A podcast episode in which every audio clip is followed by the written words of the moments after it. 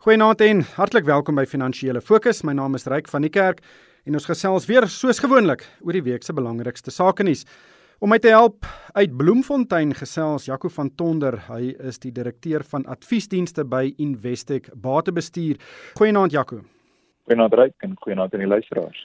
En uit Johannesburg gesels uh, Jean-Pierre Verster. Hy is die verskansings- en portefeuljebestuurder by Protea Capital. Goeienaand Jean-Pierre.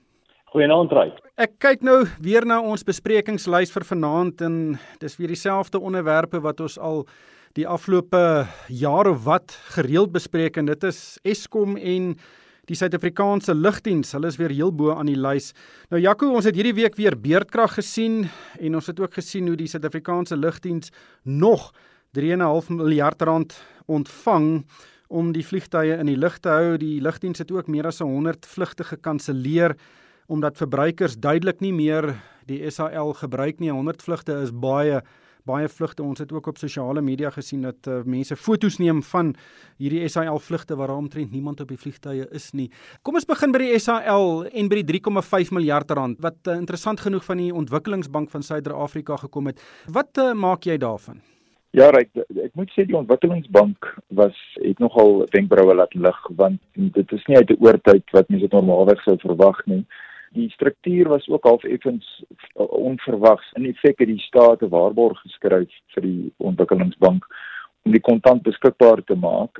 Die ontwikkelingsbank is nie regtig in 'n posisie om 'n ordentlike ondersoek te doen na die finansiële sake van Israel nie want ek ons het nie regtig finansiële jaarstate wat op datum is nie en en die besigheid eintlik besig om geherstruktureer te word. So die finansiële state gaan in elk geval nie vir jou die werklike stand van sake reflekteer nie. Wat ons wel weet is dat Israel se netto verlies op 'n maand tot maand basis heidaglik loop op omtrent 500 miljoen rand per maand. So 3.5 miljard rand gaan ons deur sien vir miskien 6 tot 8 maande afhangende van hoe hulle die lugredery nou verder herstruktureer. Mens kry eer, eerlikwaar die gevoel dat hierdie transaksie niks anders was as 'n taktiese tydkoop transaksie ten einde Israel se nuwe bestuur en en die mense in beheer daar nou die kans te gee om om 'n plan mee vorendag te kom wat die lugredery as 'n as lugredery wat aanhou voortbestaan gaan probeer red. Dit is die politieke ooreenkoms wat die ANC nou gemaak het. Ons moet SAL in een of ander formaat laat werk en die plan van hoe daardie lugredery gaan kan werk is wat nou uitstaande is en wat almal eintlik maar voorwag. So die kansellasie van vlugte is is goed om te sien. Ek dink dis miskien bietjie laat om vlugte te kanselleer omdat bestaande besprekings min is is maar stap 1. Ek dink om aggressief te begin kyk om roetes te kanselleer wat selfs onder goeie ondersteuningsvlakke van mense nie winsgewend is nie, die ander woorde lig vlugte wat eintlik verliesgewende vlugte is en roetes is om hulle te begin uitsny. Die probleem daarmee is nou begin kyk jy na 'n situasie waar jy van mense gaan moet ontslaa raak, het jy te veel vliegtye, al die vraagtekens hang nou in die lug en en ek dink dit is maar waarvoor die res van ons wag, is die plan om te sê hoe lyk SAL as hy geherstruktureer is wat ons dink kan werk en wat het ons nodig in terme van vliegtye, mense, kapasiteit en kapitaal om ons daar te kry. John Pierre? Ja, sien saam met uh, hoe Jaco dit verduidelik het. Ek sou sê dat die geld wat nou oorgeplaas is van 'n bekende bank koop net bietjie meer tyd vir SAL, maar ek dink dit is duidelik dat die skrif is aan die muur. Daar's geen manier dat hulle net 'n paar vlugte verander of kanselleer of plaas vlugroetes op fokus en derhalwe ewe skielik gaan die SAL winsgewend wees nie. En ek dink dit is 'n kans dat dit gaan gebeur nie. So wat hierdie geld nou doen is om hulle daai paar maande ekstra tyd te gun om te kyk of hulle 'n ander ekwiteitsvernoot of liewers iemand sal kry wat die ligredery en effek sal oorneem en sal bedryf maar miskien met SAL nog steeds op die naam op die uh, op die vlerk of die of die rugvlerk van die vliegtuig. So dit is niks meer as 'n bietjie tyd koop nie en die ontwikkelingsbank het ook gesê dat die rede hoekom hulle betrokke geraak het in hierdie tydkoop is omdat alhoewel hulle eintlik maar fokus op infrastruktuurbeleggings die domino effek op die ekonomie op werkposisies en die infrastruktuur van die lugredery bedryf uh, meer breed gesien in Suid-Afrika beteken dat hulle voel tog dat deur nou 3.5 miljard rand in te stoot is hulle tog besig om die groter lugredery infrastruktuur van die land te beveilig dis bietjie van 'n 'n logika sprong so ek sê om dit te kan sê.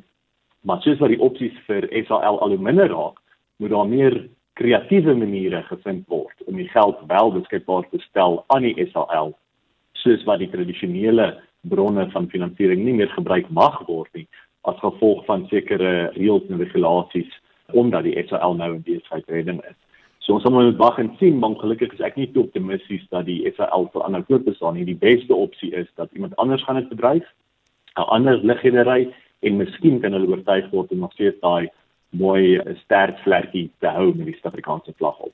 Maar 3.5 miljard rand is baie geld. Ek dink dit is omtrent min of meer dieselfde as eh, die totale grondhervormingsbegroting van die regering. Daar's natuurlik uh, altyd 'n verskoning dat daar's nie altyd geld vir grondhervorming nie, maar daar's nou 3.5 miljard vir vir SAL wat ewe skielik gevind kan word. Jaco, kom ons gesels oor Eskom. Ons het nou weer hierdie week beerdkrag gesien en ek dink dit raak al hoe meer duidelik dat ons vir die res van die jaar gereeld beerdkrag insien en die gevolge kan verrykend wees. Ja, Ryk, ek dink nie struktureel het niks by Eskom verander nie. Ons opereer op die rand van genoegsame elektrisiteit om die ekonomie net basies aan die gang te hou. Ons het nie elektrisiteit vir werklike wesenlike ekonomiese groei in die industriële sektor nie want ons het nie die opwekkingskapasiteit nie. So ons trap eintlik maar water. So wat ons nou hier sien is is letterlik maar net die geval waar ons een of twee onverwagte uh, breuke kry by 'n uh, kragopwekkings uh, stelsel wat dan lei daartoe dat hulle die diesel en en ander waterreservoir prosedures moet gebruik om vir ons genoeg krag tydelik op te wek en natuurlik daardie dieselopwekkers se diesel moet vervang word en die water moet weer teruggepomp word in die damme in in die hidroelektrisiesstelsels wat hulle gebruik om ons te buffer in die noodtye en dit gaan toenemend elke keer maar in die aande gebeur en oor naweke. So ek dink beurtkrag in die aande, miskien aan die einde van die week en oor naweke gaan in die algemeen aanhou gebeur. Ek dink ons moet verras wees as dit gaan gebeur nie, maar dit is ook nie aan die ander kant van die gesprek 'n indikasie dat ons besig is om die Eskom probleem te wen nie. Die wen van die Eskom probleem is 'n baie komplekse oplossing wat ongelukkig politieke besluite gaan moet insluit om byvoorbeeld groot industriële kragverbruikers toe te laat om hulle eie krag op te wek om miskien 'n aantal vinnige projekte van die grond af te kry wat binne miskien 'n 2 jaar periode krag kan opwek veral aan die weste kant van ons land waar kyk die meeste van ons krag word in die ooste kant van die land opgewek in Mpumalanga en Borla met langtermyntransmissielyne na die Weskaap toe aangestuur. So as jy die Weskaapse elektrisiteitsverbruik met miskien van hierdie hernuwingsgroen energieplanne oor 'n 2 jaar periode meer onafhanklik kan maak, jy kan die groot industriële gebruikers kry om hulle eie krag op te wek en die staat is gemaklik daarmee, dan skep mens vir meneer De Ruyter by Eskom en sy en sy mense die geleentheid om in effek van 'n meer van hulle kragstasies van lyn af te haal sodat hulle broodnodige onderhoud kan doen en broodnodige van kernkomponente gaan doen. So ek is bevrees dat dit ons nou oor die naweek sien bring ons glad nie nader aan 'n oplossing of 'n antwoord nie en is eintlik maar wat ons gaan aanhou sien ongelukkig wanneer Eskom een of twee breuke op hulle kragstasies ondervind. Jean-Pierre, kom ons gesels oor die Wuhan of die koronavirus wat besig is om absolute chaos te saai op soveel verskeie fronte insluitende die beleggingsfront. Meeste wêreldmarkte het die afgelope paar weke dramaties teruggesak as gevolg van die vrese oor hierdie virus. Nou ek het die afgelope week op RSC geldsaake gereeld die vraag gevra, is dit 'n oorreaksie?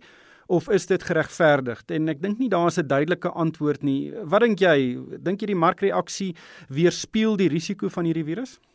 Sover het die Wêreldgesondheidsorganisasie ook nou aangekondig dat dit amptelik wêreldgesondheidskrisis is.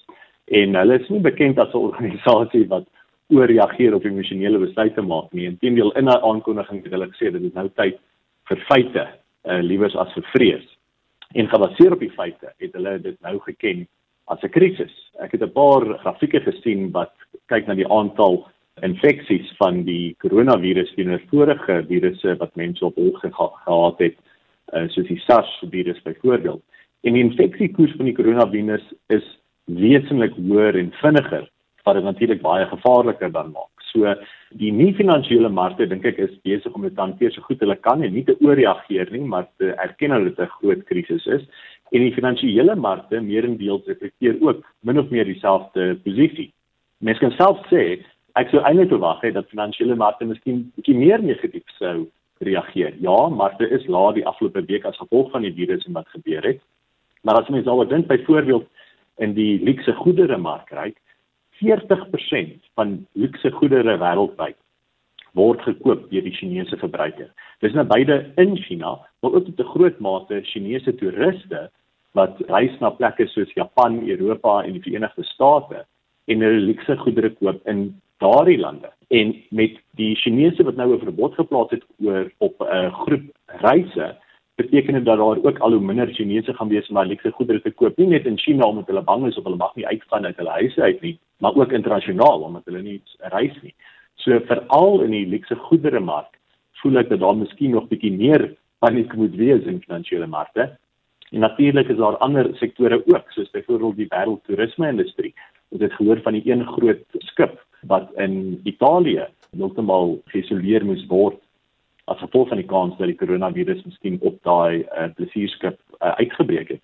So ek dink soos wat hierdie insidente meer plaasvind, gaan ons miskien 'n groter reaksie sien van finansiële markte, ook omdat as 'n laaste punt die algemene waardasies op internasionale markte is nie goedkoop nie. Daar word nie veel pessimisme tans gediskonteer in pryse nie. So daar's baie kans voel ek vir pryse om laer te wees in die volgende ruk soos wat markte begin om meer pessimisties uitkyk oor die virus uh, te respondeer in pryse. Jaco, jou siening?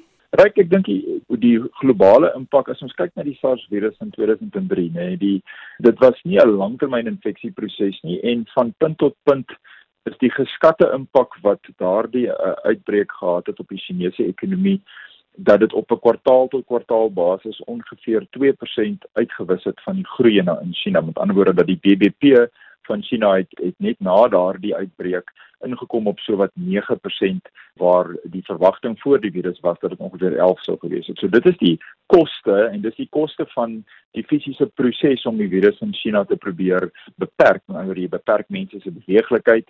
Jy dit het gelukkig nou uitgebreek daarom oor 'n vakansietyd in China, maar daai vakansietyd word nou uitgerol en mense kom nie terug na hulle werke toe nie. Hulle bly by die huis, hulle word aangemoedig om nie te werk nie. Dit moet 'n impak hê op die Chinese ekonomie en dit is daar waar die rippels dan nou gaan begin en uitrol na buite toe. So ek stem saam met John Pierre. Ek dink die aanvanklike reaksie was dat die markte het gedink luister ons het geoorreageer met SARS ons gaan probeer om nie weer dieselfde fout te maak nie en die markte was bietjie meer versigtig die risiko die keer kan wees dat dat die markte dalk die impak van die virus op ekonomiese groei effens onderskat. Maar Jean-Pierre as jy nou by die huis sit en jy kyk na jou portefeulje wat amper daagliks minder werd word en daar is die virus is nie eers in Suid-Afrika nie. Moet jy enige iets doen om te kyk of jy nie dalk jou kapitaal moet beskerm nie?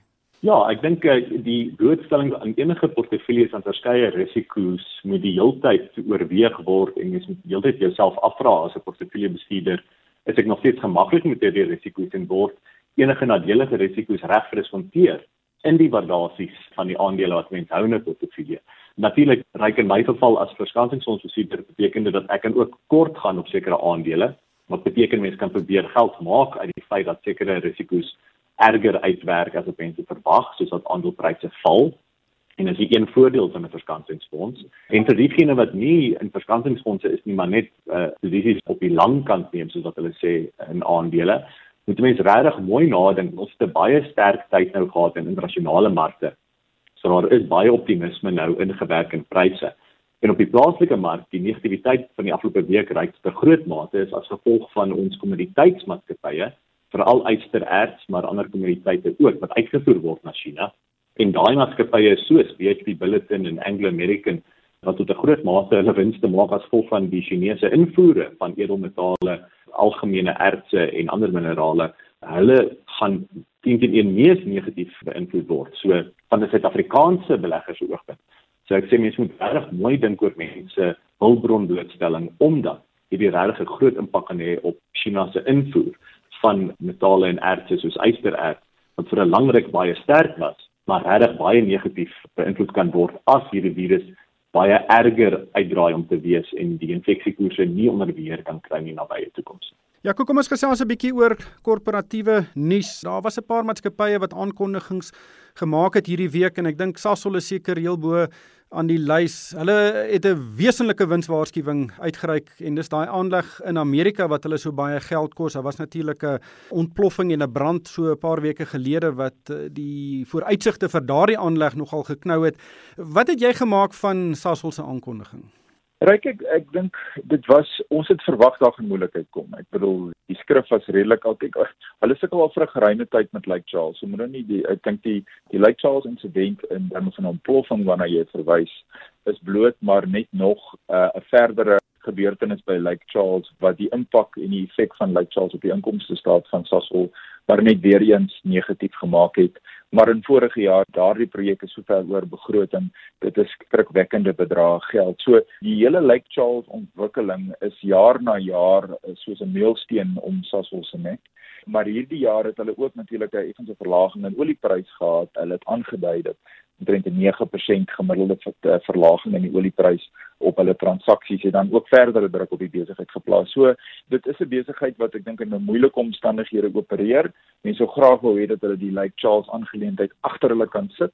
Dit is so dat dat daardie projek 'n groot inspuiting vir die besigheid kan gee en 'n herstrukturering van hoe hulle besigheid opereer kan veroorsaak maar dit is asof hulle net nie daar kom nie. 'n Mens voel amper half jy begin wonder wat is die probleem by Sasol want dis keer op keer wat hulle in hierdie ongelukkige insidente vasloop wat 'n wesenlike impak het op hulle inkomste staat. Ja, dit wys ook die risiko van hierdie groot mega projekte as dinge skeefloop kan dit 'n baie groot impak hê. Jean-Pierre, net laastens, die tyd haal ons in. Ons het ook 'n hele paar uh, aankondigings van maatskappye wat op die plaaslike ekonomie staat maak gesien. Uh, Massmart, Tiger Brands. Wat is jou indruk van hoe maatskappy winste beïnvloed word deur die ekonomiese toestande wat ons tans ervaar? Ryk dit lyk asof dit ongelooflik moeilik is tans nog steeds in die Suid-Afrikaanse ekonomie as mens kyk na resultate, maar spesifiek soos Massmart byvoorbeeld wat wesenlike herstrukturering moet doen om hulle besigheid weer op 'n stemende voet te kry. Tiger Brands wat die vorige hoofuitvoerende beampte um, uitgetree het en uh, dit lyk asof die mark nie veel hou daarvan dat Noel Doyle oorgeneem het nie. Hy's 'n baie goeie agtergrond, hy was ook betrokke met die broodkartel byvoorbeeld dat mense bekommer dat hy nou die topposisie gaan bekleed by, by Tiger Brands. Tongaat natuurlik ook, hulle is tegnies insolvent as gevolg van uh, die probleme van die verlede en hulle probeer daar uitkom vanaf maandag sal hulle aandele weer verhandel te word die JSE. Dit is interessant wees omdat die maatskappy insolvent is, so ek sien nie veel waarde in daai aandele nie. En dan 'n maatskappy so Celsius ook te veel skuld, te min opbrengs op kapitaal, te min omset en uh, ook 'n maatskappy wat tegnies insolvent is. Want ten minste het Celsius sy prioriteite reg. Hulle ondersteun nog steeds die Sharks in die super uh, reeks. Hulle is nog steeds die borg daar, maar hulle het nie hulle rente op hulle skuld betaal nie. Maar ongelukkig het die tyd ons ingehaal. Baie dankie aan Jaco van Tonder. Hy is die direkteur van adviesdienste by Investec Batebestuur en ook Jean-Pierre Verster. Hy is 'n verskansingsfonds en ook 'n portefeuljebestuurder by Protea Capital. En uh, vir my ryk van die kerk, dankie vir die saamluister en ek hoop almal het 'n winsgewende week.